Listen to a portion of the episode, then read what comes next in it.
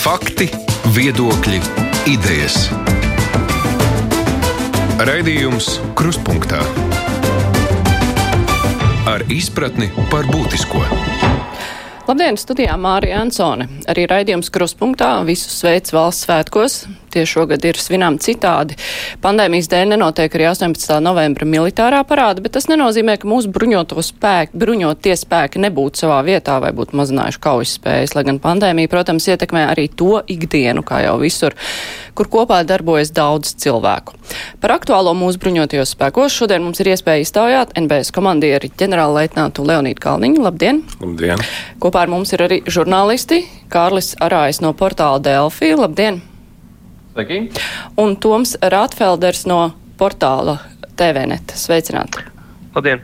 Klausītāji, jūs varat savus jautājumus eh, mums uzdot rakstot uz adresi kruspunktā Latvijas radio.lv, varat sūtīt ziņu no mūsu mājaslapas, varat mēģināt arī zvanīt, bet mūsu darbā arī ietekmē pandēmija. Mēs strādājam mazliet šaurākā sastāvā. Es nevaru garantēt, ka zvani nonāks līdz ēteram, bet varbūt mēģinam. Bet uh, vispirms runājot par 18. novembri, nu pat ziņā dzirdējām, ka ir izmaiņas arī tajā sašaurinātajā armijas priekšnesumā, nu, par parādu laikam to nevar nosaukt, kas bija paredzēta, bet, nu, tomēr 18. novembris taču bruņotie spēki atzīmē. Mēs atzīmējam ar lielu sajūsmu 18. novembri, tāpēc, ka tā ir mūsu valsts dzimšanas diena. Un mēs, kā visi Latvijas pilsoņi, protams, ar lielu goda pietāti esam gatavojušies vienmēr 18. novembra svinībām. Diemžēl koronavīrus ienesis ir zināmas korekcijas un nācās atcelt bruņoto spēku parādi.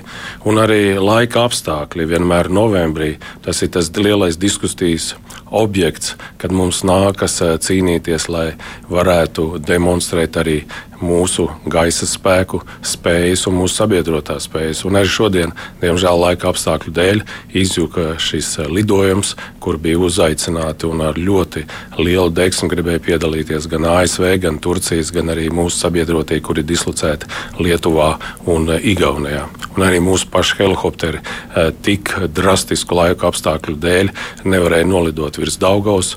Un es, protams, pieņēmu to lēmumu, ka riskēt ar pilotu dzīvībām šoreiz nav tā īstā reize. Laika apstākļi tas ir lietus un vējš?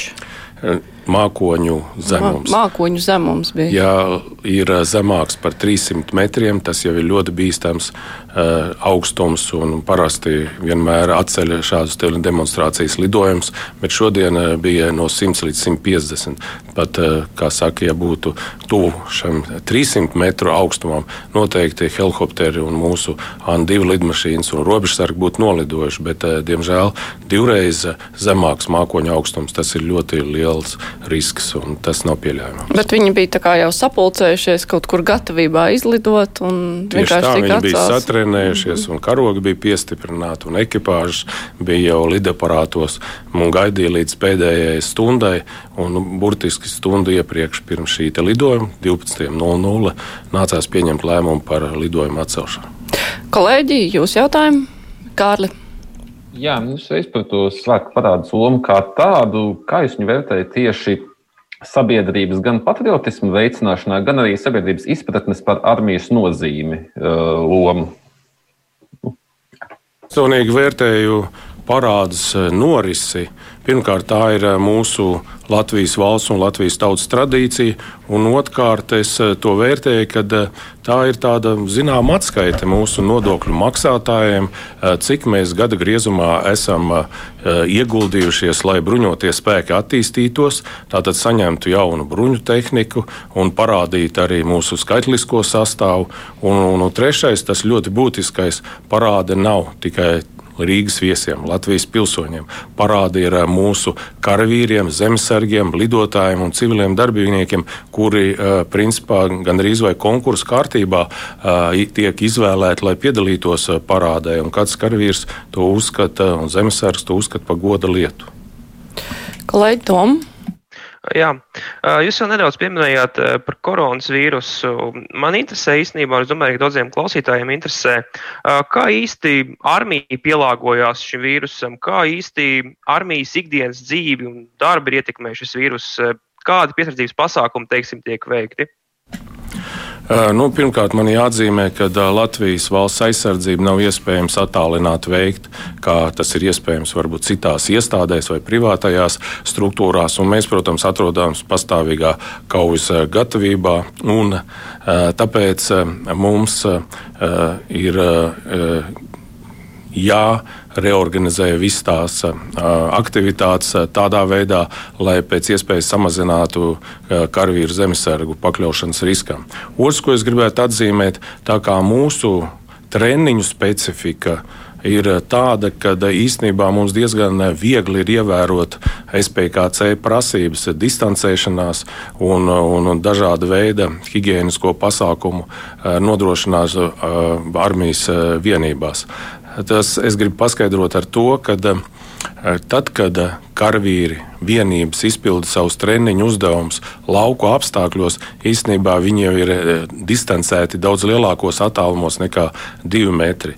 Un uh, higiēnas prasības, neatkarīgi no koronavīrusa, šī uzvaras gājiena uzsākšana pagājušajā gadā, tas bija numurs viens. Uh, nu, uh, tāds likuma prasības punkts, eh, kurš eh, ir jāievēro eh, jebkurā situācijā un jebkurā vienībā, neatkarīgi no šī vīrusa nu, ienākšana mūsu dzīvē. Bet droši vien, ka lielākā problēma ir nevis mācības, kur tiešām kur, droši vien, ka notiek ārā un distancējoties, bet tieši kopā dzīvošana, nu, kur cilvēki dzīvo salīdzinoši, tā kā, nu, ne gluži vienā mājasaimniecībā, bet uh, tur Tas, tas ir tas lielākais risks, tas Nē. sadzīve. Nē, nav tā izskatītos. Tā nav izrādās lielākā problēma. Eh, lielākā problēma ir tā, ka mums ir eh, brīvprātīgā profesionālā dienesta armija, bruņotie spēki. Viņi savu dienestu izpilda atbilstoši tām prasībām, viņi dodas mājās. Bet ir arī kas ģimenes... atbrauc, jā, bet ir cilvēki, kuri atbrauc uz Latviju, piemēram, uz mācībām no ārvalstīm. Jā, bet arī tur uh, īstenībā nav nekāda problēma. Pirmkārt, visi, kas atgriežas gan Latvijas bruņoto spēku karavīri, zemesargi, gan tie, kas uh, ir dislocēti ādažos uh, šī priekšējā kaujas grupā, kuru vada kanādieši, viņi visi atrodas izolācijā 14 dienas. Vai nu savā mītnes zemē, vai nu šeit, uh, Latvijā. Pat tie, kas ierodās šeit uz vingrinājumu, piemēram, uh, Lielbritānijas kaujas grupa no Igaunijas vai Lietuvas, viņi atrodas izolētā veidā desmit dienas sādažu speciālā eh, tādā nu, novietojumā un nesaskarās ne ar vienu citu, un tikai tad sākās eh, treniņi. Otrkārt, eh, nu, kāpēc es jums saku, ka tā lielākā problēma ir, ir saskarsme ar Latvijas iedzīvotājiem un ģimenes locekļiem? Tāpēc, kad mums uz šodienu ir inficēti 28 karavīri, bet nav neviens inficēts, tas, kas ir atrodas priekšējā kaujas grupā kuri atrodas izolēti, atrodas kazarmās un atrodas izolācijā ādažu bāzē. Un tā, tas nozīmē, ka saskarsme, kas, kuru viņi atrodas diezgan tuvā saskarsmē, viņi uzņem ēdienu kopā, viņi, viņi vingrinās kopā, visas šīs desmit nācijas. Tas, tas nav tas galvenais iemesls. Bet kur šie 28 karavīri inficējās, ir noskaidrots? Šie 28 karavīri ir inficējušies pirmkārt viņi dažādos spēku veidos, tas nav vienā, vienā vietā, vienā spēku veidā. Otrkārt, viņi ir inficējušies saskaroties ar saviem ģimenes locekļiem. Mm -hmm. Kolēģi, Jā, es par to Covid arī gribēju tieši paturpināt. Jūs sakat, 28, pagājušajā nedēļā bija 40, un pagājušajā nedēļā bija arī minēts tas augsnē, ka ir bijis viens perēklis. Līdz ar to es gribēju paturpināt to tēmu. Tad sanāk, ka bez šīs alūksnes citu perēkļu nav īsti bijis vairāk armijā. Ja? Tieši tā, un uh, man ir prieks paziņot, ka uh, no aizvakardienas alūksne vairs neskaitās perēklis. Visi 24 karavīri, kas tur bija inficējušies, eh, kuri bija rekrutēti un vienā grupā pamatapmācībā, viņi visi ir izvesaļojušies, un no pirmdienas viņiem atsāksies eh, šī pamatapmācība. Saistībā ar Covid klausītājs vaicā, vai domājat, ka Latvijā varam nonākt līdz armijas iesaistīšanai, lai ierobežotu pārvietošanos, kāds bija Lietuvā, vai arī tas būtu pārmērīgi, lai armijai pietiktu individuālās aizsardzības līdzekļu, ja būtu jāstrādā ar iedzīvotājiem? Armijai pietiek, bruņotiem spēkiem pietiek individuāla aizsardzības līdzekļi, lai viņi izpildītu pilnā apjomā savus uzdevumus. Jautājums par to, cik, cik lielā mērā mums vajadzētu iesaistīties, to pieņem ministrs kabinets, un viņš ir deleģējis šādas tiesības aizsardzības ministram.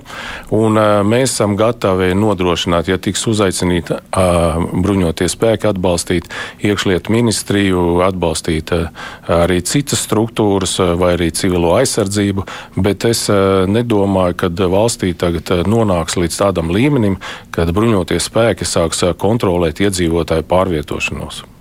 Kolēģi, Tom?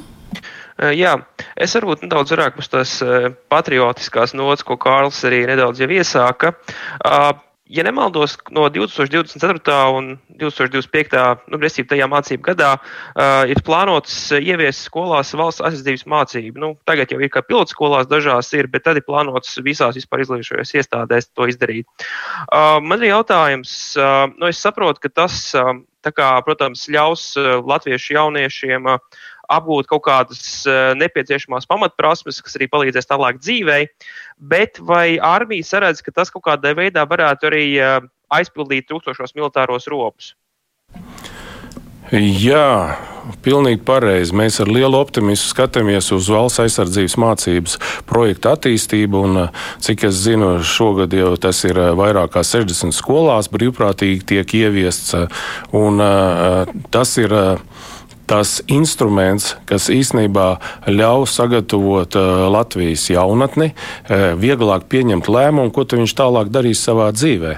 Un, protams, ka mēs skatāmies, ka uh, viņu lēmumu sadaļā būtu, varētu iekļaut arī turpināt savu dzīvi un saistīt ar bruņotiem spēkiem. Kāpēc tik lielā optimismā esmu es? Tāpēc, ka, ja mēs tagad paskatāmies no tā sastāva, kuri iestājušies eh, šogad, pagājušajā gadā eh, Nacionālā aizsardzības akadēmijā, mums eh, gandrīz 30% nāk no jaunsardzes. Jaunsardze ir tā organizācija, kas īstenībā iepazīstina mūsu jauniešus, mūsu bērnus ar tām militārām jomām, kur viņi varētu realizēt savus dzīves gaitas un, un varbūt arī sapņus. Un tie, kas ir izgājuši šāda veida organizācijai cauri, un tātad mēs arī ceram uz valsts aizsardzības mācību, viņi daudz eh, stabilāki ir eh, šī lēmuma eh, pieņemšanā un realizācijā. Tas nozīmē, ka ir tie, kas ir iestājušies bruņotajos spēkos, viņi neatvaļinās īsā laika periodā pēc iestāšanās, vai arī atvaļinās, piemēram, pēc akadēmijas beigšanas. Tie ir ļoti stabili, pareizi orientētie Latvijas pilsoņi, un viņi atrodas ilgstoši bruņoto spēku sastāvā. Un tāpēc tas ir tas moments, kas noteikti mums imponē. Otrs šīs sastāva jautājuma sadaļa, uz ko mēs skatāmies, ja pat bērni pēc tam nākošie Latvijas pilsoņi nepieņems lēmumu, ka viņi turpinās savu dzīvi sasaistot ar bruņotiem spēkiem, ar iekšlietu ministrijas drošības struktūrām. Jebkurā gadījumā viņi būs sagatavoti Latvijas pilsoņi aizsargāt gan savu ģimeni, gan Latvijas valsti, jo viņiem iekšā būs ielikts tas pamats no tām četrām sastāvdaļām, arī militārais pamats, un tas nozīmē, ka viņi būs gandrīz gatavi kā rezerves karavīri. Bet vai šajās te militārajās apmācībās un arī jaunsardzē kaut kādas tīri praktiskajā darbā pandēmija ir ieviesus korekcijas, jo vismaz bērniem pulciņi ir ierobežoti un sporta nodarbības, kā ir ar nodarbībām jaunsardzē? Vai šīs militārās apmācības? Ziniet, man eh, būs diezgan grūti atbildēt jautājumu, tāpēc, ka jaunsardze ir aizsardzības ministrijas eh, pakļautībā. Mēs zināmā mērā atbalstam eh, jaunsardzi un ar, ar saviem instruktoriem. Tātad ir atļauts tie, kas atrodas dienestā bruņoties spēkos un zemesardzē, viņi atļauts arī savietojot šo te uzdevumu izpildi būt pa instruktoriem jaunsardzē. Bet es domāju, ka mācību iestādēs un jaunsārdze ir skolnieki. Viņi ir pakļauti tieši tādām pašām prasībām, kā to ir izglītības un veselības ministrija noteikusi. Tātad, ja nav atļauts šī pulcēšanās, tad noteikti arī jaunsargu apmācība nenotiek tādā, sas, tādā veidā, kā tas bija pieņemts pirms vīrusu iedarbības. Mm -hmm. Kolēģi, Kārli. Jā, tieši arī par jauniem karavīriem. Es gribēju par rekrūšu kvalitāti pajautāt. Vai tā ir mainījusies pēdējo gadu laikā, un, piemēram, arī procentuāli, cik daudz rekrūši paliek aiz strīpes, jo nevar izpildīt vai nu fiziskos vai psiholoģiskos kritērijus? Mums lielākā daļa rekrūšu, kur paliek aiz strīpas, ne jau fizisko normatīvu dēļ, tāpēc, ka mēs esam izveidojuši sistēmu, kad mēs šīs te viņu fiziskās spējas, viņu fizisko uh, kvalitāti norganizējam un piedzinām tādā veidā, ka netiek nodro, nodarīts kaitējums viņu veselībai, un tas atbilstu tām prasībām, kas ir bruņotajos spēkos ieviestas. Lielākā daļa, kuri netiek uzņemti bruņotajos spēkos, ir, ir saistīti ar eh, nu, krimināla veida ierobežojumiem. Ja viņš ir bijis eh, tiesāts un arī ar veselības stāvokļa šī pilsoņa testa rezultātiem. Tie ir lielākie ierobežojumi, un viņi ir, ir nemainīgi no laika gala. Katrā iesaukumā šis procents ir dažāds, bet viņu šis nu, atbirums nepārsniedz 20%. Tā kā jums bija tā kampaņa, esi formā, kāda bija atsaucība? Diezgan liela atsaucība, un to parasti realizē e, zemesargi. Viņi strādā da, daudzos e, e, nu, mūsu Latvijas reģionos, un es skatoties gan Facebook, gan Instagram, redzu, ka viņi publicē aktīvi savus fotogrāfijas, kādā veidā viņi atrodas darba vietās. Un, cik es saprotu, arī kolēģi to ļoti saprotoši uzņem vēl vairāk. Ja tas, piemēram, ņemsim kādu 20, 25 gadu atpakaļ, būtu kaut kas ļoti ekskluzīvs bijis, tad tagad to vien vairāk Latvijas sabiedrība saprot, ka nu, tā ir viņu organiska sastāvdaļa būt gatavam sevi sagatavot nu, Latvijas valsts aizsardzībai. Bet uh, lielākā daļa, kas piesakās, tie ir cilvēki, kas nāk uz tām blakus specialitātēm, nu, kas saistās tur ar finansēm vai personāla speciāli, nu, vai mediķi, vai arī nāk tieši, kas grib būt karavīri. Ja jūs runājat par zemesardzi, tad eh, īstenībā iestājās ļoti plašs spektrs un, un ļoti interesanti, ka uh, eh, liela daļa cilvēku Viņi taisnība otrādi negrib turpināt to specialitāti, ko viņi arī realizē savā civilajā dzīvē. Piemēram, mediķis, eh, ļoti augsts kvalitātes eh, ķirurgs, viņš saka, ka nē, viņš grib ložmetējnieks, viņš grib nodarboties ar medicīnai. Kā... Tas ir ļoti slikti. Bet eh, tas ir viņa brīvā laika un tas ir viņa brīva izvēle. Mēs nekad neierobežojām šādā veidā. Ja, kas attiecas, protams, tie, kas rekrutējās uz pilnu laika dienestu mūsu bruņotajos spēkos, tad lielākā daļa viņi izvēlās tās profesijas, kas atbilst viņa vēlmei un noteikti arī civilai izglītībai. Mēs arī to veicinām un ar lielāko tādu jaudu savā rekrutēšanas kampaņās uzsveram, ka mums nav tikai viena specialitāte ar maskēšanas krēmu nosmērēt seju un skriet pa mežu. Mums ir ļoti daudz, mums ir pār 8000 uh, amata nosaukumu, mums ir uh, 103 uh, profesijas, karavīrs, uh, instruktors un virsnieks. Mums ir 170 uh, vispār uh, specialitātes, kuras atkal sadalās apakšspecialitātēs. Galvenais ir tas, ko es gribu uzsvērt, ka uh, šodienas bruņotie spēki ir, spēki, ir tā vieta, kur, kur noteikti būs nepieciešama apgūt ļoti daudz jaunas tehnoloģijas un diezgan sarežģītas. Bet tām citām specialitātēm arī vajag nosmērēt seju un skriet pa mežu, vai viņi tīri nodarbojas tikai ar savu? Pamatapmācība visiem ir vienāda. Tā, tā ir jāiziet cauri. Tie ir divi līmeņi pamatapmācībā, jā, jāapgūst tās militārās pamatzināšanas, un tad eh, katrs karavīrs atbilstoši tai viņa izvēlē eh, aiziet eh, mācīties tās specialitātes. Un karavīrs īstenībā visu laiku regulāri pilnveidojās. Tie ir dažādi specialitāšu kvalifikācijas uzlabošanas kursi gan šeit Latvijā, gan ārpus Latvijas, un, protams, arī karjeras kursi. Mm -hmm. Kolēģi, Tom? Jā. ASV bāzētā domnīca Jamestown Foundation pagājušā gadā nāca klajā ar pētījumu, kurā bija teikts, ka militāru uzbrukumu gadījumā Baltijas valstīm būtu jānoturas vismaz mēnesi. Jautājums, vai jūs tam piekrītat, un ja tiešām tā ir, vai mūsu armijai vispār pietiek karavīri un pats galvenais ekipējums un resursi un tehnika, lai kaut ko tādu veiktu? Nu, pirmkārt, es uzreiz visiem radioklausītājiem gribu atbildēt citādā veidā. Mēs gatavojam un plānojam Latvijas aizsardzību tādā veidā, kad Latvijai jānodrošina pilna šī rīcības brīvība, līdz uh, visi ienaidnieki un šie apdraudējumi tiek likvidēti. Nevis tā, mēs neplānojam savus aizsardzības sistēmu, ka mums jānoturās uh, piecas dienas vai 72 stundas, kā te daži uh, min sociāl, ne sociālais, bet masu mēdījos ar dažādiem pētījumiem un, un piemēram, mēnesi un kaut kas tālīgs. Bruņotie spēki, zemesardze, aiz visa aizsardzības sistēma tiek plānota un gatavota, lai pilnībā nodrošinātu Latvijas valsts aizsardzību, valstiskuma funkcionalitāte, drošība Latvijas eh, sabiedrībai un tiktu atbrīvot no jebkura veida šī apdraudējuma ienaidnieka Latvijas teritorijā. Tas nozīmē, ka eh, mums piešķirtos resursus mēs racionāli esam sadalījuši un noteikti ar absolūtu pārliecību esam gatavi, lai realizētu šo uzdevumu. Un katru gadu mēs to arī testējam. Jūs noteikti ziniet par tādiem lieliem vingrinājumiem kā Namēs un ļoti daudziem tiem vingrinājumiem, kas notiek šeit Latvijas teritorijā kopā ar mūsu sabiedrotiem. Bet eh, jebkurā gadījumā taču, nu, ja mēs runājam par kaut kādu lielu iebrukumu no lielas valsts puses, nu tāpat eh, mēs nevaram būt lielāki par kādu citu lielu valsti. Mums ir jāne, jānoturās kaut kādu laiku, kamēr ierodas sabiedrotie. Viņi arī nevar te būt tā.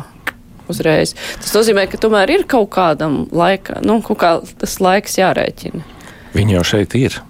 Viņi ir, bet vai viņi ir pietiekoši? Pilnīgi pietiekoši, lai nodrošinātu šo momentālo reakciju. Tāpēc šeit ir šī priekšējā kaujas grupa, tāpēc šeit ir multinacionālā divīzija Ziemeļa, jūs noteikti ziniet. Viņa jau ir uzsākusi, viņa ir aktivizēta no šī gada oktobra, un kaut arī viņa principā strādāja jau gadu iepriekš, jau saplānojot visas savas funkcijas. Mēs esam gatavi ne tikai Latvijas iekšienē, bet īstenībā šeit ir trīs, teiksim, Baltijas valstu kopējā aizsardzība aizsardzības sistēma izveidota, un tā ir pievienojusies arī Polija šeit. Tā kā šis reģions uz šodienu dienu ir daudz stiprāks nekā tas bija vakar. Kolēģi? Jā, es par to pašu papildinot, eh, bet tomēr no nu, Kaļiņgradā teiksim, pie, ir nu, ieviet, novietot Krievijas pretpējais ieroči. Un, kā mēs zinām, arī šis saucamais Suvalku koridors, eh, kas atrodas eh, Polijas teritorijā starp Lietuvu un Kaļiņgradas teritoriju, ir diezgan viegli nogriežams eh, nu, no, no principā sauszemes uzbrukuma rezultātā. Un, ja šis koridors krīt, tad mēs principā esam nogriezti no NATO papildspēkiem, nu, vismaz sauszemes veidā.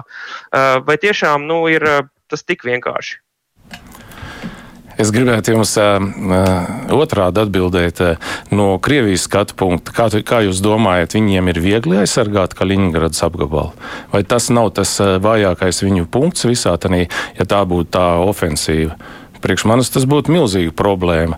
Un tad, tad atkrīt vispār jūsu jautājums par suvalku koridoru, kur vienkārši var nogriezt. Kolēģi, Kārli, tev ir ko papildināt? Jā, ne par šo es bišķi pavirzīšos arī apdraudējumu ziņā, bet vairāk par hibrīdu karu un um, dezinformāciju. Piemēram, es šorīt vēl pārlasīju Sputņika ņūz un tam līdzīgus portālus, kur ļoti konkrēti var redzēt, kā veido šis narratīvs pret Latvijas armiju, pret Latvijas valsti. Un tāpat tās arī pārskatīja vecos stratkom pētījumus par Hanīkot operācijām, kas ir veikts pret karavīriem, kur karavīri pavisam nejauši atklāja šīs te, uh, dislokācijas vietas un tam līdzīgi. Attiecīgi, mans jautājums ir, cik ļoti bruņoties spēki ir gatavi tikt galā ar šiem hibrīda apdraudējumiem, un arī cik liels uzsvars tiek uzlikts apmācībās tieši, lai karavīri, teiksim, neiekristu, nezinu, uz Tinder message'iem neatbildētu ar ne, pašbildīti, kur ir redzama atrašanās vieta, piemēram. Ziniet, man eh, vairāk uztrauc uh, cits. Man, man gribētos, lai Latvijas sabiedrība uz šāda veida informatīviem paziņojumiem, visāda veida šiem fake news uh, būtu domājoši un, un viņi analizētu, kas ir taisnība un tā tālāk. Mūsu Latvijas pilsoniem, iedzīvotājiem ir jābūt spējīgiem pieņemt ļoti vēsu, izsvērtu lēmumu par to, kas viņam tiek pasniegts. Kas attiecās uz karavīru noturību pret jebkāda veida šāda makšķerēšanai un, un, un tādai provocēšanai, to, tad mēs karavīrus to trenējām diezgan regulāri. Ļoti daudzos vingrinājos viena no sadaļām tieši ir šī veida informatīvā noturība, un, un otrs, mēs milzīgi piestrādājam pie tā, lai šī mm, informatīvā noturība un, un tiktu izplatīta ne tikai bruņotajos spēkos, bet arī visā Latvijas sabiedrībā. Vēl jau vairāk es gribu pateikt, ka arī mūsu sabiedrotie, kas atrodas šeit Latvijā, viņi aktīvi iesaistās, lai arī šāda veida nu, pieredzi iegūtu un trenētu savu valstu sabiedrības. Un, viņi ir aktīvi un šeit ir viņi dislocējuši ne tikai ierīnas karavīrus, kas nodara nodarbojās ar šo taktisko spēju uzturēšanu, bet šeit ir arī dislocēti informācijas speciālisti, un, un tas ir diezgan liels ieguvums mūsu ikdienā, tāpēc, ka trenējoties mēs paliekam diezgan efektīvi šai ziņā, un tie rezultāti ir diezgan labi, ja mēs paskatāmies uz šo tēmu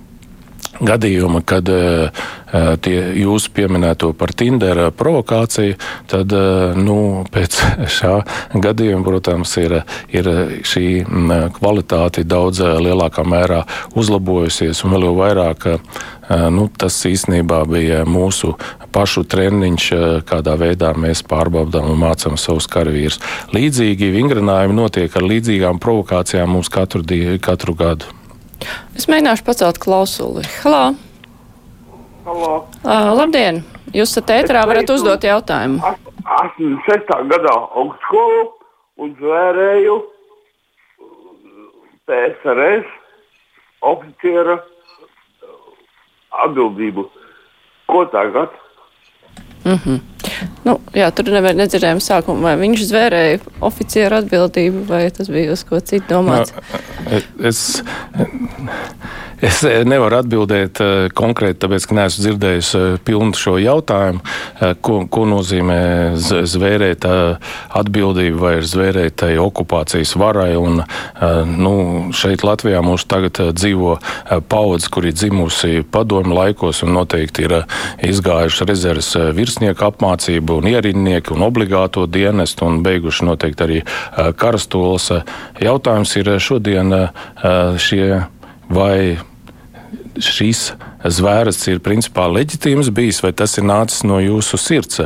Īsnībā, ja eh, cilvēks tagad ir eh, dienu bruņotajos spēkos vai strādā Latvijas uh, ekonomikas labā un izaugsmas labā, tad viņš jau principā ir akceptējis Latviju kā valsti, viņš sev piederību, jo pretējā gadījumā, ja tie, kas zvērēja nu, tai varai opkuvāts, viņi noteikti ir, ir varbūt vajadzēja viņiem pamest Latviju un doties tur, kur viņiem ir labāk, bet tie, kas visi šeit palikuši, man nav nekāds iemesls viņiem neusticēties, ka viņi nebūtu lojāli Latvijas valstī.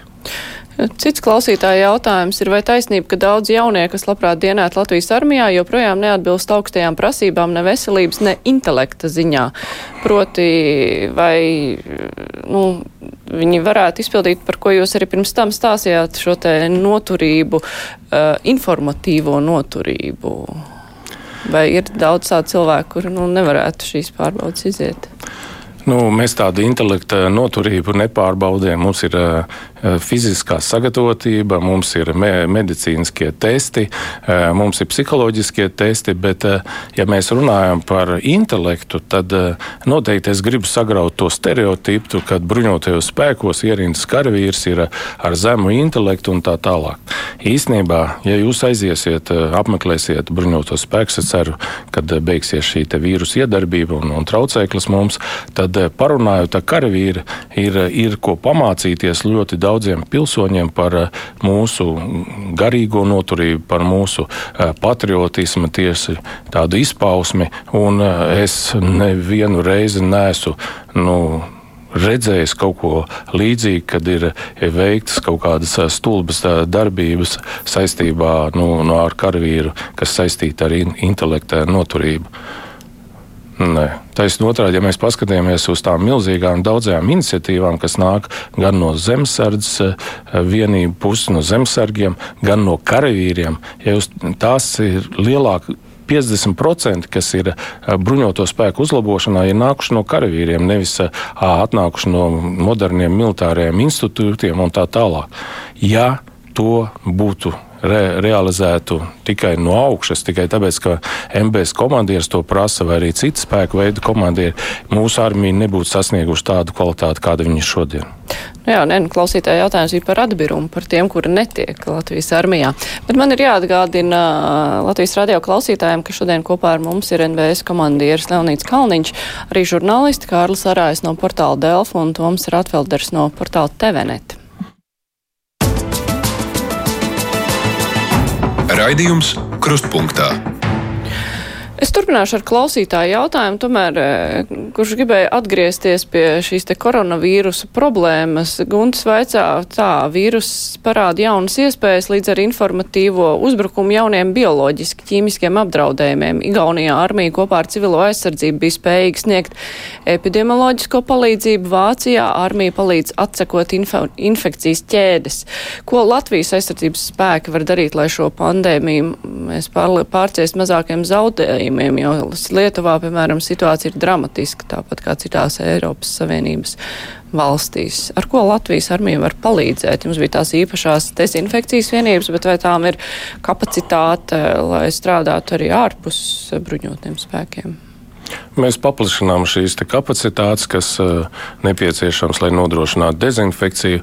Bet es uh, vienkārši gribu atgādināt, ka pavasarī, kad uh, ar bija arī ārkārtējais stāvoklis izsludināts, bruņoties spēki veica dažādas atbalsta pasākumus tieši reģionos visvairāk, izvēršot šīs nepieciešamās infrastruktūras, teltis un palīdzēja evakuēt no veco ļaužu namiem inficētos cilvēkus, tāpēc, ka cilvēku apkalpošā persona resursu trūkums tur bija. Un arī tagad mēs esam gatavi nodrošināt šādu veidu palīdzību. Otrs, joprojām funkcionējuši no pavasara uzdevums. Mēs esam tie, kas aiz, pēc aizsardzības ministrijas aģentūras iegādātajiem šie aizsardzības līdzekļiem. Bruņotie spēki ir tie, kas nogādā visu šīs te, um, preces, materiālus veselības iestādēm un, un pašvaldībām. Tas joprojām nav beidzies. Mēs vienkārši varbūt to mazāk reklamējam.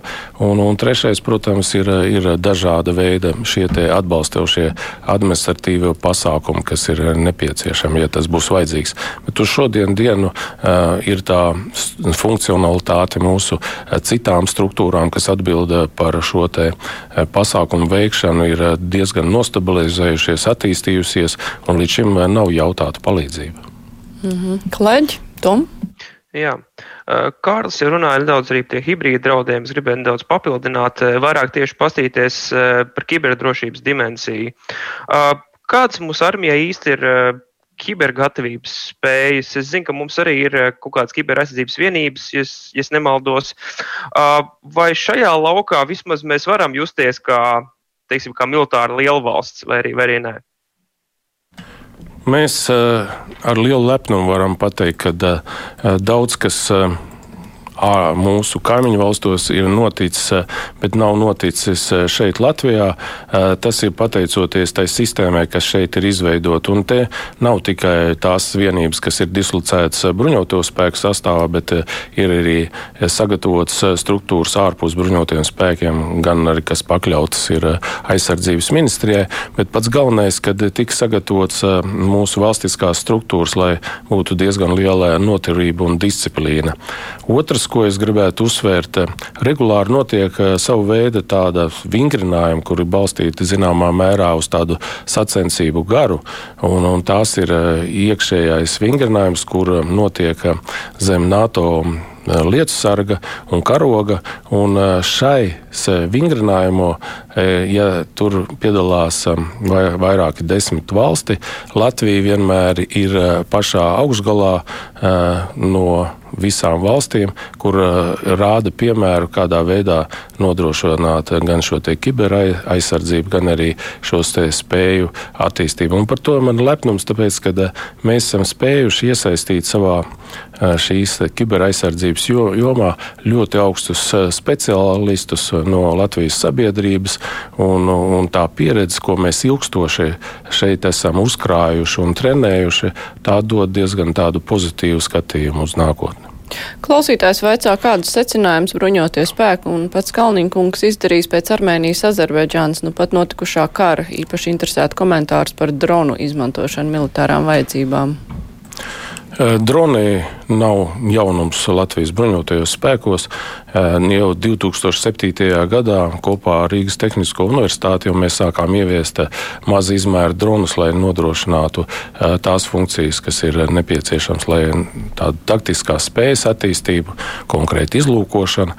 Un tas ir turpinājies, un tagad ar tādu lielu gandarījumu varam pateikt, ka iesaistot arī Latvijas industriju, mēs esam iegādājušies nevis ārzemēs ražotus dronus, bet šeit Latvijā viņi arī pierādījuši vairākos vingrinājumos šeit Latvijā un arī šī pēdējā šī gada namēs vingrinājumā, kā ļoti efektīvi ieroči.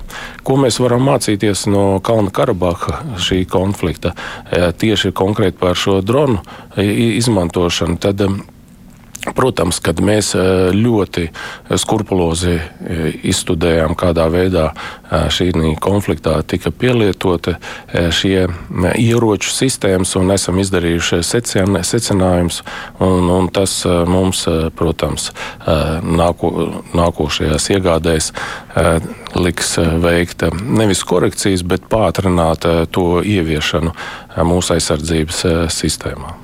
Jā, klausītājs vaicā par droniem. Kāda garantija, ka, piemēram, Krievijas droni neierodas Latvijā, kā tos var noķert?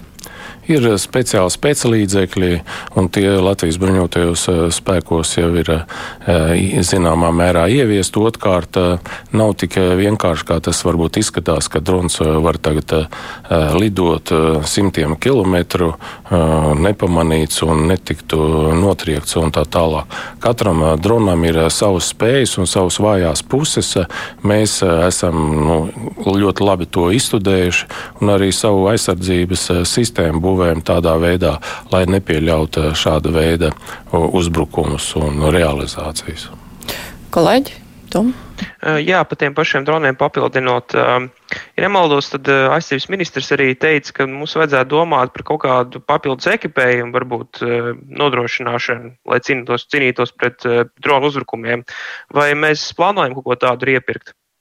Jā, mūsu plānos tā, tas ir, un mēs realizējam to, ko aizsardzības ministrijas ir paziņojusi sabiedrībai jau paralēli, un, un tuvākajā laikā viņš arī nonāks Latvijas bruņoto spēku rīcībā. Otrs jau ir, protams, kad mēs arī e, trenējam mūsu personāla sastāvu, kādā veidā strādāt ar šiem droniem. E, tā ir nākotne, un, un, un to mēs jau konstatējām ne jau tagad, e, tieši Kalna Karabaha konflikta laikā, bet mēs to konstatējām jau daudz agrāk, vairākus gadus iepriekš, tāpēc jau īstenībā mūsu vienībās šie drona sistēmas ir ieviestas, un arī pretdarbības līdzekļi mums ir ieviesti tādā veidā, kā īstenībā uz aizsargājumu objektiem mēs eh, likvidējam šādu veidu nesankcionētos lidaparātu eh, lidojumus jau šodien. Viņi tiek deaktivizēti un, un operatori tiek aizturēti. Kolēģi Kārli. Jā, jūs jau minējāt, ka droni, piemēram, tiek arī no vietējiem ražotājiem iepirkt. Tad es gribēju jautāt, cik liels īpatsvars vispār ir armijas teikt, iepirkumos no vietējiem ražotājiem? Un arī ar ko būtu teiksim, jauniem vietējiem ražotājiem jāreķinās, lai viņi varētu vispār iesaistīties šajā militārajos iepirkumos un nu, teikt, paturēt šo vairāk visu ražošanu tieši Latvijā? Tāds arī mūsu mērķis ir, jo ilgdzīvot spēja jebkurai valstī, jebkurai aizsardzības sistēmai ir balstīta uz tā, ka pēc iespējas vairāk militārie materiāli ir jāražo šeit uz vietas Latvijā. Un tā, tas jau ir paziņots gan no aizsardzības ministrijas puses jau vairāk gadu griezumā. Tas tiek realizēts un katru gadu notiek savu veidu militārie šie tirgi izstādes, kur pre, tiek prezentēts uh, jaunie visa veida bruņojumu, ekipējumu, materiāli, ko mēs ar lielāko prieku un deksmi apskatām un apskatāmies, kas būtu derīgs. Mums dažādās sfērās uz jūsu jautājumu atbildot, cik ta procenti ir no Latvijas ražotājiem. Ja mēs skatāmies uz šie te vidējā drona izmēra, tie ir simtprocentīgi Latvijā ražoti. Ja tie, kas skatāmies uz mūsu ekipējumu, tas ir uz vieglo ekipējumu, kas ir formas, ja, tad tās visas ir ražotas Latvijā, izņemot zābakus, un ceru nākotnē arī zābaki tiek, tiks ražoti. Tas nozīmē, otrs arī mugursoms tiek šūts, un tuvākā laikā arī bruņuvests un visādi veidi uzkabes šeit tiks ražots.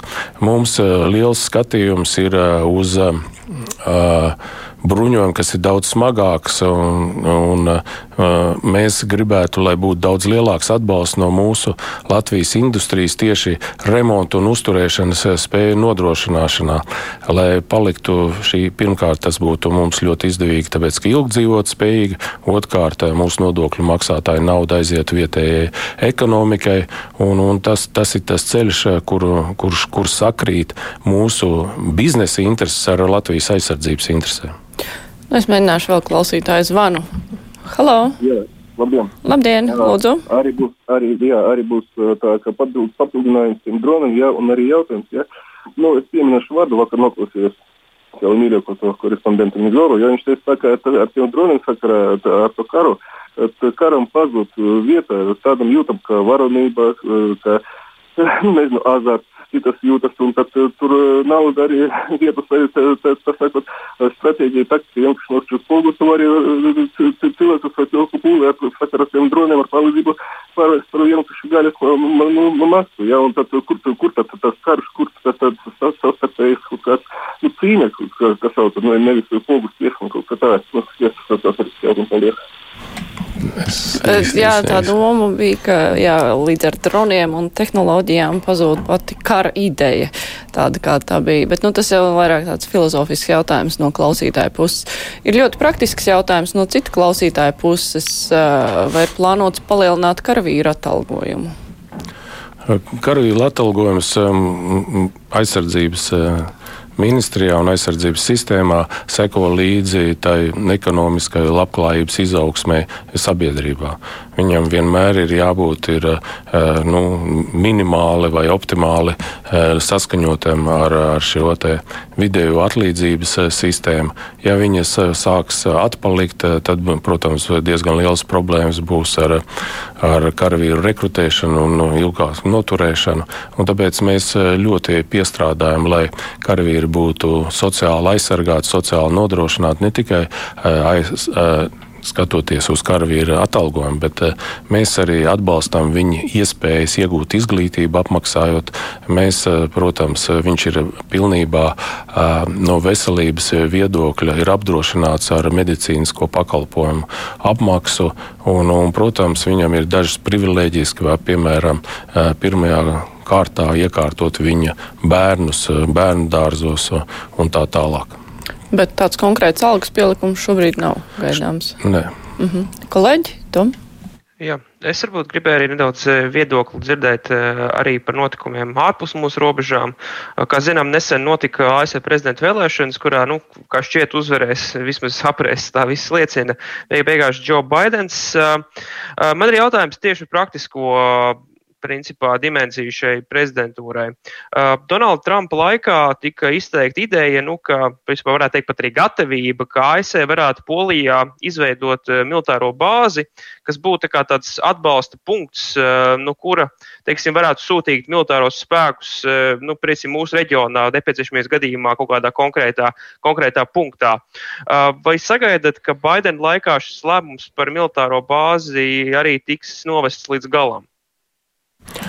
Es uh, nedomāju, un arī pirms tam tā bija, kad Trumps nomainīja iepriekšējo prezidentu, uh, kad uh, kaut kas krasi mainīsies mūsu kā NATO iekšienē šī aizsardzības politikas realizācija no ASV puses. Diezgan konsekventi notiek šī aizsardzības sistēmas efektivitātes paaugstināšana, un, un daudz šie sadarbības projekti noteikti paliks nemainīgi. Es, es esmu pilnīgi pārliecināts, ka arī arī savu veidu šie iz, nevis izmaiņas kaut kādā sliktākā bet taisni otrādi pozitīvākā un lielākā mērā arī redzēsim noteikti Latvijā caur dažādu veidu vingrinājumiem un mūsu kopējo projektu realizācijas. Kārli? Jā, Bija arī bijuši pat ārvalstīm, bet bijuši tuvākam pat Baltkrieviju, um, kur jau vairāk kā simts dienas turpinās uh, plaštautas nemieri. Un jautājums tāds, ja no Baltkrievijas palielinātos, teiksim, bēgļu plūsma, pienāk viņu, sauksim viņu x stundu, cik lielā mērā armija ir gatava palīdzēt uh, tikt galā ar šādu potenciālo bēgļu plūsmu? Mēs jau to pierādījām pavasarī. Mēs pilnībā atbalstījām visu to, ko prasīja robežsardze. Mēs viņus pastiprinājām, un arī tagad esam gatavi to izdarīt, bet uz šodienu mēs neredzam nekādus tādu veidu apdraudējumu, un arī robežsardze mūsu šo te, e, palīdzību nav lūgusi. Un tāpēc nu, man ir viena atbilde - mēs esam gatavi. Klausītājs raksta tā, Lielbritānija paziņoja, ka tuvāko desmitgažu laikā 25% armijas veidos viedierīces. Kāda ir Baltijas Ziemeļvalstu nostāja? Mums jau tagad ir milzīgs daudzums eh, dažāda veida jaunās tehnoloģijas ieviestas. Eh, mums ir nepieciešami speciālisti, mums ir nepieciešama jaunatne, kur ļoti tagad šodien ir aizņemta ar šo divānu paudzes eh, nu, tāda veida trūkumu, kad viņi pavada vairāk ar dažādām viedierīcēm. Un taisni tos mēs arī gaidām mūsu bruņotajos spēkos. Jauno tehnoloģiju ienākšana bruņotajos spēkos notiek ļoti aktīvi, un viņas ir atrodās pat tādās vietās, kuras agrāk noteikti nekad viņas nebija. Mums ir gan nu, veselības iestādēs, mums tas ir eh, pārtiks sagatavošanas eh, vienībās, mums ir eh, visa veida viedierīces tiek ieviestas arī remonta bāzēs. Mums ir šī materiāla resursu uzskaits sistēmas. Mums ļoti daudz iespēju. Tā kā viedierīces, ja viņi skatās tikai to, ka tas ir nu, savu veidu tāds uh, telefona aparātiņš, kur mēs skatāmies Google Mac un iet pa mežu, kurā vietā tas atrasties. Tā ir uh, zināma veida. Nu, mm, Nezināšana vispār par viedierīču pielietošanu bruņotajos spēkos. Mm -hmm. Kolēģi, Tom? Jā, es Baltkrievijā laikam arī paturpināšu. Uh, vai piekrītat, ka tagad šo teiksim, sacelšanās nemieru kontekstā pieaugs eh, Baltkrievijas atkarība no Krievijas, respektīvi Lukašenko režīms, ja viņš paliks pie varas, vairāk sāks gravitēt Maskavas virzienā. Un līdz to tas varētu arī būt neizdevīgi mūsu drošībai, jo, kā zinām, ja Baltkrievija teiksim, ir ļoti, ļoti Krievijas orbijā, orbītā, tad viņi var arī kaut kādā veidā savietot tos militāros spēkus vairāk un, un, un tam līdzīgi. Vai jūs saskatāt kaut kādus draudus arī šajā dimensijā? Protams, tā ir uh, valdības izvēle, bet es vairāk skatos uz uh, Baltkrievijas sabiedrības izvēles, kas, ja tā tieši atbildēt jums, tad īsnībā Baltkrievija jau tagad ir pilnībā šī tādā Krievijas ietekmes sfērā un it sevišķi aizsardzības sfērā. Viņiem notiek kopīgi vingrinājumi, viņiem tagad tik ievests bruņoto spēku vienības tur iekšā, un, un tā ir, tas ir priekšējais Krievijas avangards, jebkurā gadījumā. Tā kā mēs nelolojam uz šodienu nekādas tādas rozā domas Baltkrievijas neatkarību šai jomā tieši militārajā.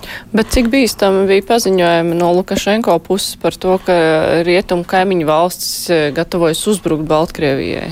Tas bija orientēts tikai pret eh, priekš eh, savas Baltkrievas sabiedrības eh, un tikai tāpēc, lai pie, nu, attaisnotu, kāpēc notiek dažāda veida šīs pārvietošanās, kāpēc notiek milzīgas represijas pret protestētājiem, un tas absolūti neiespaidoja mūsu lēmumus saistībā ar mūsu aizsardzības sistēmas aktivizēšanu daudz augstākā pakāpē, jo to saprata pat vis, visi nu, analītiķi, un tur nemaz nevajadzēja mums neko pierādīt.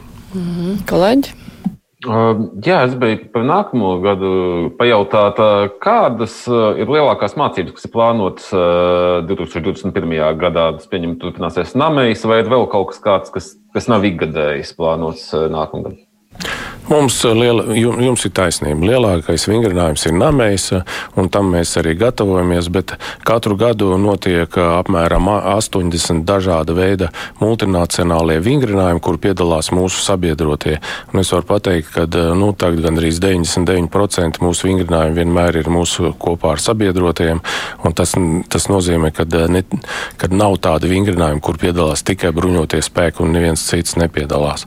Tas tikai paaugstina šo šo kvalitāti mūsu bruņoto spēku gatavībā.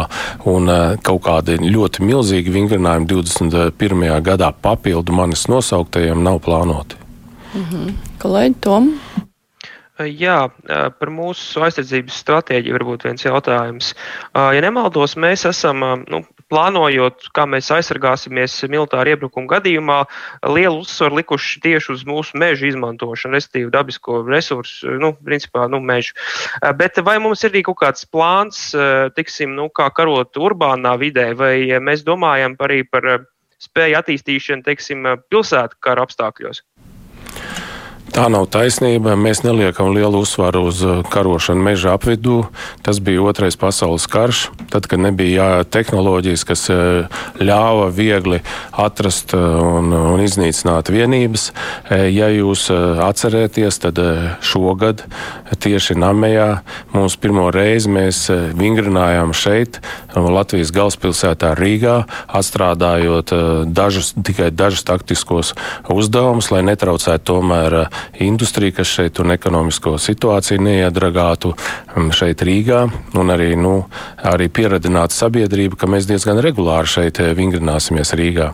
Otrs, protams, ir tas, ka uh, urbānās operācijas uh, ir tā, ir, nu, tā jau nav vairs nākotne, tā ir tagadne. Ja jūs paskatieties uz Sīriju, paskatieties uz Irāku, tad visas šīs kaujas notiek tieši pilsētās un nevis kaut kādā tur um, plakana kalnos vai kaut kas tamlīdzīgs.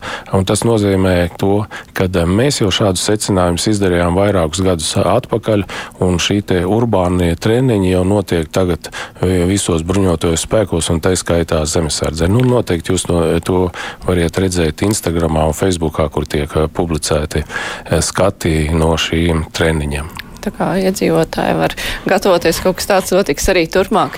Bet uh, mums raidījumam atvēlētais laiks ir beidzies. Es saku paldies Leonīdam Kalniņam, NBS komandierim, arī kolēģiem žurnālistiem. Kopā ar mums bija Kārlis Arājs no portāla Delfa un Toms Rātvelders no uh, portāla TVNet. Uh, klausītāji vēl raksta, ka ļoti labi, ka mēs ne tā kā Krievija netaisījām parādi. Viņi taisa arī pandēmijas apstākļos. Un, sekas mēs redzam, kas tur notiek. Es saku paldies rīt kruspunktā, runāsim par partiju finansēšanu, vai tur ir kaut kas jāmaina pēc nu, tiem skandāliem, kas teit ir notikuši saistībā ar to, ko dzirdam par Latviju partiju Latvijas attīstībai un tās finansēšanu. Tur kaut kāda aizdomēna ir parādījusies par ietekmi no sponsoriem, bet tā ir rītdienas diskusija. To vadīs mans kolēģis Aidis Tomsons. Es savukārt saku jums visu labu. Raidījuma producente bija Evi Junāma.